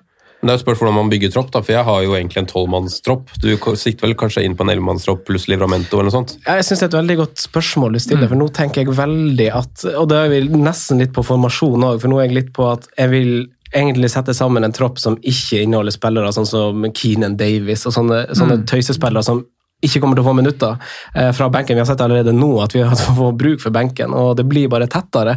Og det er ganske lenge til neste wildcard, så det er veldig naturlig å tenke tre spisser, egentlig. Mm. og da er vi tilbake til at skal kjøre 4-3-3 og ha liksom to, fire, fem eh, midtbanespillere i, sammen med Livramento, som er veldig naturlig å tenke, syns jeg. da. Eh, og da er det ikke plass til så mange ved siden av Sala. og 2-4-5, var det du sa? Nei, 2-4-5. 2-4-5 midtbaner, eller Ja. du kan kjøre uh, Med Carter Nordmann, det er fint, det. Det blir fort Douglas Louise. Nå har jeg fått prisstigninger på han. da. Og Han, han er den eneste 4-5 eh, midtbanespilleren, sammen med nordmann, som tar dødballer. Mm. Eller Hvem var det du sa? Douglas, eh, Mathias Nordmann. Ja, før. Douglas Louise. Douglas Louise. Ja, ja. Og så har vi jo han eh, gnomen i Brentford som har sunket til 4-4, da. Eh, men, eh, men det jeg tenker at jeg tror ikke det er noen sånn fasit på Rafinha, eller det jeg sier høyt nå heller. Jeg synes at Når man liksom har Sala, den kjernen med det dyre forsvaret, eh, Lukaku, så er du på en måte sett til å liksom leke deg litt nå. For jeg syns vi ser på et lite skifte. Vi er liksom ferdig med Sarr, vi er ferdig med Ben Rama. Har du dem, veldig fint, men det er liksom ikke aktuelt for wildcard i det hele tatt. Eller som å bytte inn noe. Man skal begynne å tenke litt annerledes, og da tenker jeg sånn Da kan du prøve liksom litt i de rollene her, følge magen litt, og da er jeg litt mer på litt løs på Saka, Jeg er veldig fornøyd med at jeg tok Saka. Altså. Jeg bare si det. Jeg synes han, var, eh, han var jo veldig nær mot Brighton òg. Ja, og for England, ikke for. England var han god nå, så jeg, jeg sitter veldig godt med han, og programmet til Arsenal er bra. Så hvis man skal snakke hvis du snakker XG til Leeds og sånn, så er Arsenal sin XG dårligere de siste fire. Mm. Så sånn sett så snakker du jo på en måte Det blir jo litt, litt motsatt, men her har du veldig tro på spilleren, da. Ja, jeg snakker ikke X- eh, XG, men jeg snakker store Sjanser, sjanser. Der, der er jo også Arsenal eh, ganske lavt. Ja. Ja. Og så kan du egentlig legge til i det, når det egentlig starta når vi starta med midtbanepraten her også, at eh, i tillegg til de, det, det skiftet som du prater om, så er det mange som fortsatt sitter på Diogo Jota, det er mange som sitter på Mason Greenwood, som Ja, ja. igjen også er bare de, de kan du dra inn i yes, som supplemerer den midtbanen. småkvalm når jeg hører Mason Greenwood. Så, Når du ser det gamle laget før wildcard der, det laget jeg hadde, det er bare tøys. så ja, Luke Ayling. det er har jo- utvilsomt et skifte. Jeg gikk jo en litt annen, litt sånn mot prinsipp egentlig, da, når jeg kjørte wildcard med tanke på pengedisponeringen her. For jeg har jo, mm, jeg har jo lagt opp til en 4-3-3-formasjon, sånn i utgangspunktet med toppa lag. Eh, Men det betyr at jeg må benke Hvis jeg skal kjøre fire bak, da. Dobbel Dobbelt Chelsea, Cancelo, Trent. Livramento er klar benk der, men spiller jo alle kamper, så han er jo en spillende spiller. Eh, På midtbanen så har man da Da må det gjøres en, en benking av enten Gallagher, Saka, Rafinha. En av de gutta der. Fordi jeg har eh, jeg har bare én 4-5 på midten. var det jeg frem til. Der du sier at du vil ha to 4-5-er, så har jeg brukt pengene på Gallagher og vært fornøyd med det laget jeg har fått ved å gjøre det. Eh, og jeg er egentlig veldig fornøyd med at jeg har gjort det sånn som situasjonen er nå, da, med, med så mye skader og føss rundt Brasil som ikke kanskje kommer tilbake. og sånne ting. Så nå, Hvis Rafinha benkes i helga, så, så har jeg Gallagher som kan steppe inn mot Arsenal. Det syns jeg er fint at du sier, for det har jeg også vurdert å gjøre nå. Eh, å ha, jeg har jo Dokoré, og nå har jeg fått 0,2 på han. da. Det var egentlig liksom en av argumentene til at jeg skulle ha han for å få 0,2, men nå har han fått det. Eh, men å ha han nå for å slippe å spille ikke at jeg må gjøre det, for Simen tror jo at de skårer Brentford mot Chelsea, men for å slippe å spille den, den Brentford-spilleren mot Chelsea, da, så spiller jeg heller Dokoré i, eh, i eh, i kampen de har mot Westham hjemme nå. Eh, så, så jeg syns jo det er en fin sånn squad-tanke, men jeg føler at jeg også Man bruker pengene litt dårlig, føler man. ja, da. det kan jeg. Det, altså I hvert fall hvis jeg altså sånn, Hvis jeg skal gå for en benkespiller som er litt dyrere enn 4-5, sånn, sånn som du har gjort, da, og få en litt sånn bedre stall, eh, og så ser jeg kanskje for meg hva jeg skal gjøre på sikt, om to-tre runder.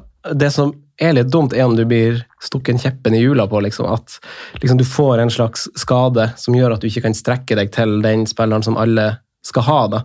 Altså si eh, hvem kan, hvem kan eksempelet være, da? Men si du skal hoppe på, på Dominic Calvert-Lewin da, fra en billigspiss, så har du liksom ikke råd fordi at du har den 1,5 eller whatever på, på, på, en spiller som Ja. Men uh, det er, jeg vil i hvert fall ha en litt god stall, det er i hvert fall tanken. Men andre ja. midtbanespillere ved siden av uh, de vi nevnte, da, vi, altså, Saka har jo underliggende sånn isolert sett for seg sjøl gode tall som uh, i Arsenal. Liksom. Han, har, han, har, delt fjerde eller femte mest skudd i boks av samtlige spillere i, i, i Premier League. Liksom, av midtbanespillere så er det vel bare Mané og Sala som er over han mm. med skudd i boks. Uh, så han syns jeg er fin. Jeg syns jo eh, Gray-shouten til Simen han kan fint være med på wildcard. Mm. Møte lag som slipper inn mål har sett veldig bra ut. Dokoré, som du har fått verdi i, hvorfor ikke bare beholde? Syns det er helt fair. Gallagher er jo en Hvorfor ble han bytta etter 70? Kan noen svare meg på det? Jeg vet ikke, men du, hadde jo et, du sa jo at han som kom inn rundt 70 også. Som, som, du snakka litt opp i sommer i preseason-poden, eh, Sondre. Slukkel opp Olysé. ja, Olysé, ja. Du, og du, du, sa i hvert fall i, i, i chatten vår på, på Englandposten på fotball-TV, så sa du 'snakk om han'. Ja, må... og han hadde et kjempeinnhopp. Ja, han, bra, vet du. Nei da, men det er jo bare fordi um, han er så sabla spennende talent, da. Ja. Men Pelles er jo også et et lag som Simen sier det jo veldig fint, at man fra den ene runden så kan et lag være veldig veldig aktuell, og så kommer det en runde hvor kanskje det ikke går helt som du tror, og så glemmer man det litt. Ja. Så sånne, sånne, sånne wildcard-tanker og sånn langsiktig tenking skifter basert på bare én runde. Ja, så vi kan jo snakke om Saha og Gallagher også som gode valg. Se bak resultatene til, eh, til Palace nå. altså Det er en Joakim Andersen unna seks poeng i løpet av de to siste kampene. Forferdelig to matcher han, som koster uh, Palace uh, fire poeng. Mm. Uh, resten av laget ser bra ut. De var klart best mot Leicester. Mm. Klart best at Leicester leda 2-0 på dette punktet Så der er helt ufattelig. Mm. Helt ufattelig. Og, men Palace gjør det helt riktig. De bare fortsetter og fortsetter og ender med en 2-2. Mm. Eh, og så er det jo hvorfor Gallagher ble byttet ut. Det er fordi MacArthur er viktigere da, i selve laget. Mm. Eh, ikke nødvendigvis at han er en bedre fotballspiller enn bedre fans sett, men at han er viktigere for den dynamikken på midten. Mm. Eh, nei, jeg syns fortsatt egentlig Palace er like interessant ja, som, mm. som, det er nå. og Stiller meg fortsatt litt usikkerhetsspørsmål. Det kan hende at jeg er litt cocky sier det nå, men Sondre sa i stad at man, han valgte Guaita over Ramsay for han trodde han valgte Billag. Der er jeg fortsatt usikker. Jeg tror kanskje Crystal Palace kan være oppi der og krige om en 7.-8.-plass. Mm. Ja, vi får snakke om det i mai. Men eh, ja, det, er, det åpna seg noen dører på midten. Ha det mm. litt gøy. Eh, på topp, eh, Simen, du banka jo egentlig gjennom noen navn i stad. Kan jeg nevne en på midten til, som jeg er litt usikker på? Som vi har pratet om i mange sesonger. Høres sexy ut. Han har én fin match nå, så har han to tøffe, og så er det liksom greit. Leandro Trossard. Å oh ja, du skal dit? 90 minutter i Er det fem av sju? Ja. Mm. Det er jo veldig unormalt han, for det er det vi har sett tidligere. Mm. Eh, et Brighton-lag som er bedre enn noen gang. Mm. Ja, det er ja. Selv med en Bizoma som man kanskje er usikker med framtiden på, da, med tanke på de eh, Det har vel ikke kommet ut noen bekreftelser, men de antakelsene som har vært ute, med at det er en spiller der som er, er arrestert. Ja, det var jo en video av at han ble eskalert ut av politiet. Ja, men Så man at det var han? Eh, det, Eller altså, antydninger om at det var han? Nei, det, jeg så bare tweeten med videoen, og så sto det bare 'It's Bizuma'. Ja. ja. det er jo veldig, det, Fotballmessig så er det et stort svakhetstegn for Brighton. At ikke han skal eventuelt spille fotball videre. Men laget ser jo veldig bra ut, mm. og har jo klart seg bra i hans fravær. Mm. er det for lite, Jeg tror kanskje det er hakket for lite i Trossard, men jeg syns jo egentlig han er litt interessant, da. Til 6-4. Ja, sexy. Ja, og se på, liksom. Ja, og spille på, fotball. Ja. Han og Simikas har vært på nach lenge, de. Ja. Fytti katta. Tenk så gode det hadde vært til søvn. Men uh, på topp, da, Sondre Det var der vi starta, det, egentlig. Det var der vi starta, ja. og, og Simen dro jo kjapt gjennom navnet i stad. Mm. Uh, Lukaku, pga. kampprogram, sa vi jo sånn ja, på wildcard så kjører man bare det. Ja, man gjør det, altså. Så kan man heller vurdere kastet etter runde 11. Um, jeg syns man kan kjøre Heechan. Heechan ja, da får du hente litt midler. Da får du henta litt. Jeg har Raúl Jiminez og jeg tror han er bedre, men se på liksom, se når de har spilt noe samtidig. Mm. Veldig like og jevne tall, og han var en annerledes spiller enn det jeg kanskje så for meg han skulle være. Masse ja, mer sånn tekniske ferdigheter i han, og han er hurtig, og det var ikke en sånn type spiller jeg trodde han skulle være, basert på hva jeg leste i forkant. Uh, virker jo veldig direkte og Mm. veldig energisk, så Passer jo veldig fint inn sammen med Raúl Jiménez, da. det er Har en som akkurat det han gjør. rundt. Det Ja. er sånn, vi har jo sett det her før, sånn, sånn utfyllende duo både med Yota, og vi så det tidvis med Adama Traoré. Mm. Uh, og nå ser det ut som han kanskje har funnet seg en ny sånn partner hvor det liksom bare klikker litt. Ja, jeg, jeg er enig i det ut fra hva man har sett i Wolverhampton, men jeg er fortsatt veldig skeptisk. For det er en spiss som, eller en spiller som har hatt lite målpoeng i ligaen. Han burde hatt mye målpoeng. Altså, vi har hatt en liga hvor Erling Braut Haaland, Patson Daka, eh, Minamino har, har hatt masse masse målpoeng. Eh, Hichan har vel ti mål som den beste i østerriksk Bundesliga i det samme laget. Eh, han har spilt på topp, og han hadde vel null skåringer i Bundesliga for RB Leipzig på 25 matcher. Mm. Eh, hadde et par mål i cupen. ikke sant? Så det, starta han 25 kamper? det kan, eh, Nei, det var nok inne på stort sett. Det har vel vært eh, Men samtidig så har jo liksom Det har vært mange spisser innom Salzburg, men nei, innom Leipzig, men egentlig ingen som har lykkes etter Timo Werner. Mm. eh, sånn sett. Så, eh, og det kan også bare være at noen spillere har bare noen ligaer som blir en slags nemesis. Altså det blir et lag som blir, altså De får en dårlig sesong, og så kan det være helt ny spiller.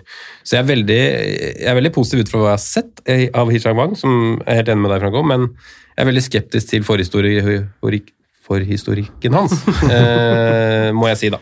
Eh, Men kanskje Wolverhampton er det laget som klarer å snu Ja, spisser kanskje. som ikke Absolutt. skårer mål, til å skåre mål? For det er vel litt det samme med Raúl Jiménez. Han hadde ikke all verdens av skåringer i Benfica, han heller. Bare god på fotballmanager. God fotballmanager. men Jeg tror ikke han skåra mer enn si 20 mål på 80 kamper. da. Men samtidig så er det en pris som er øh, gratis i forhold til mange, veldig mange andre her. Ja, noe med det, og det, der er vi litt tilbake på Kanskje vi får til De Bruyne hvis du går Hichan, MBU, mm. kanskje du dropper Trent ved skaden. Eller, altså, da får du Men da er det mange sånne nesten-spillere. Ja, det var det jeg, kom- det var det jeg landa på sjøl. Det akkurat det! Da er det mye nesten. Ja, det og det kan bli en veldig god runde, og så har du fire runder hvor du bare er helt dødt, og så Ja, kommer det det igjen. så sykt godt poeng.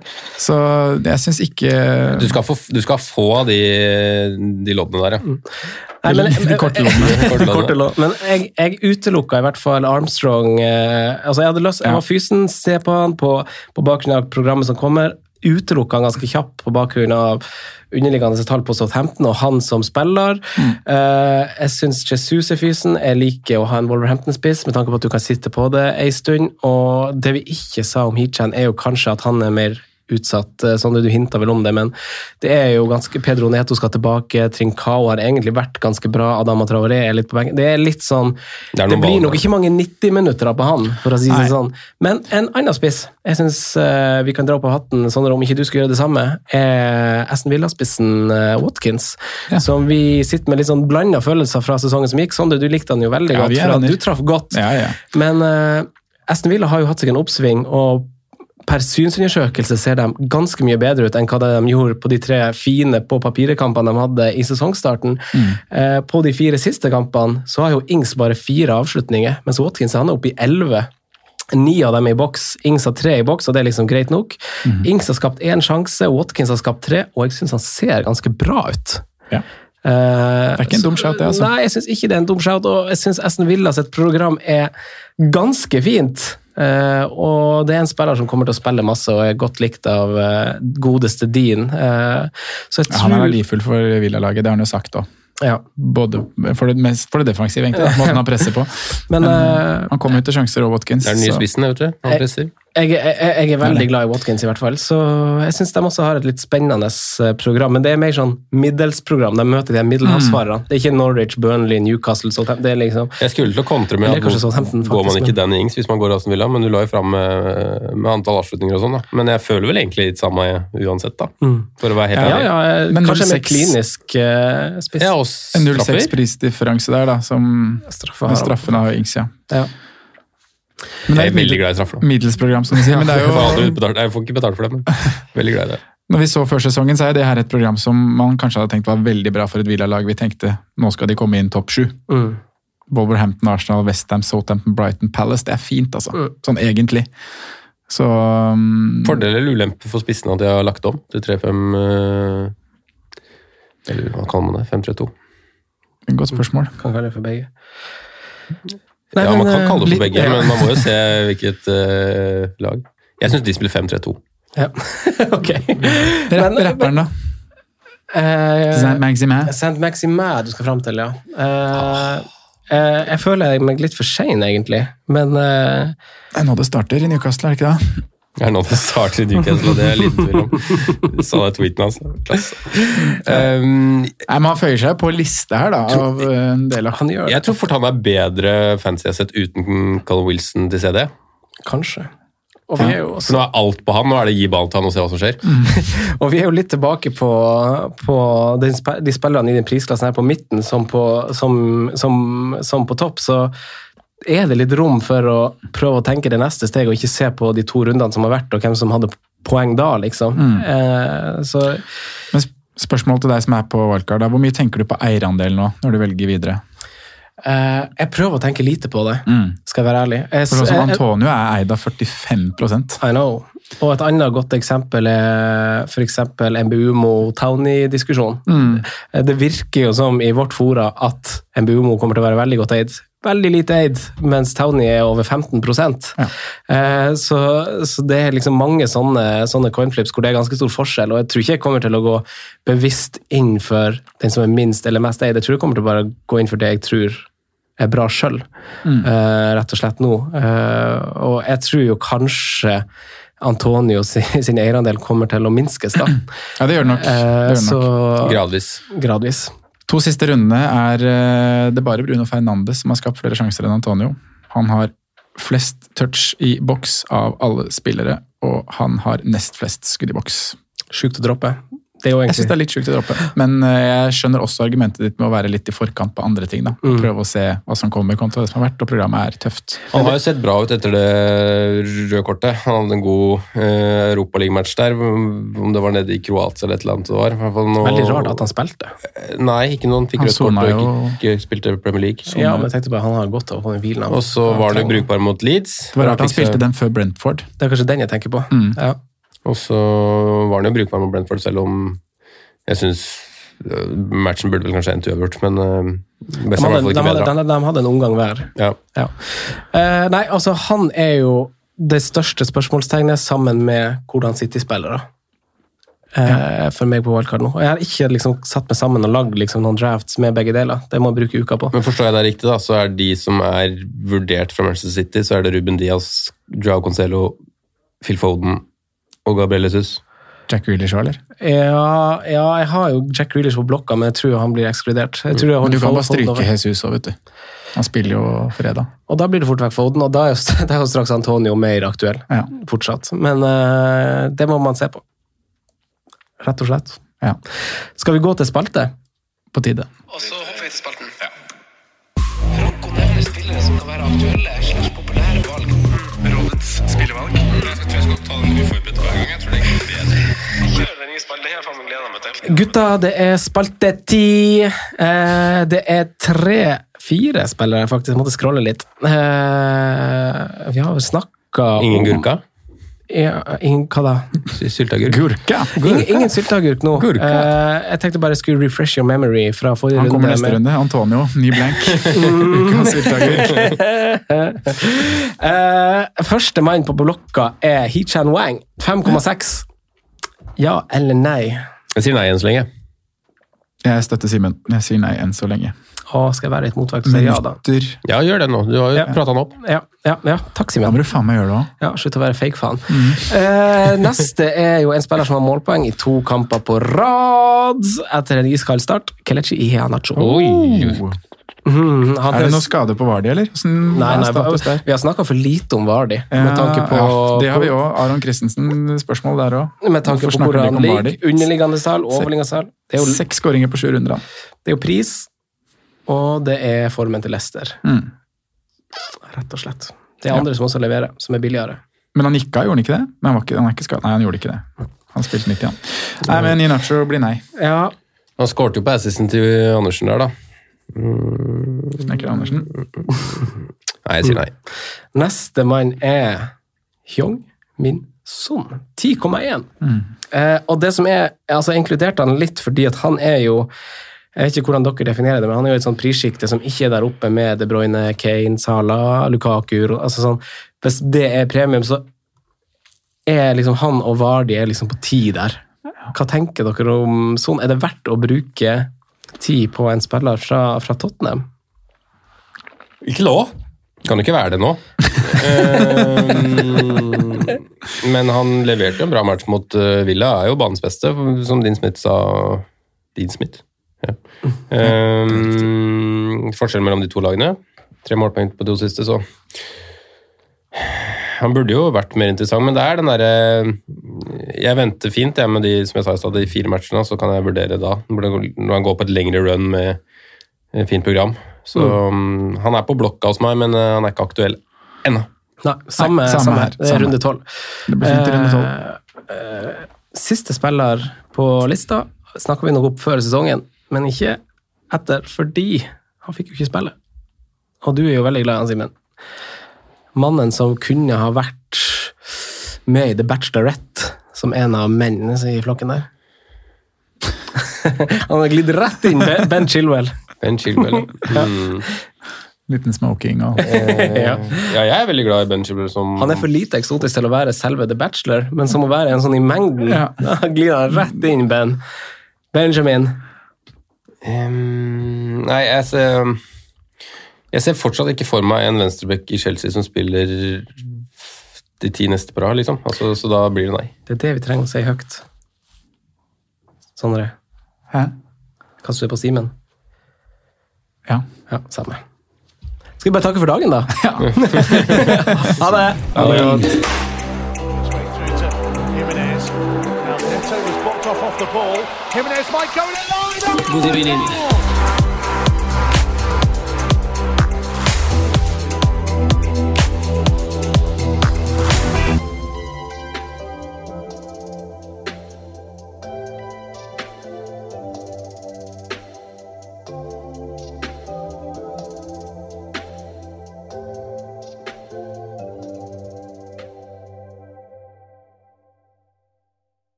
Ukens annonsør er Folio, en smartere banktjeneste for deg som har en egen bedrift eller ønsker å starte for deg selv.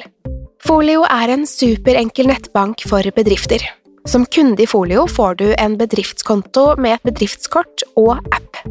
I denne appen er det smarte løsninger som forenkler regnskapet ditt, uansett om du har en liten bedrift eller et enkeltpersonsforetak. Folio er både intuitivt og brukervennlig, og er laget med et enkelt språk. I tillegg tilbyr de forutsigbare priser og ingen skjulte gebyrer. Skulle du likevel trenge det, så kan du snakke med deres raske og hyggelige kundeservice, og der får du prate med en faktisk person og ikke en chatbot.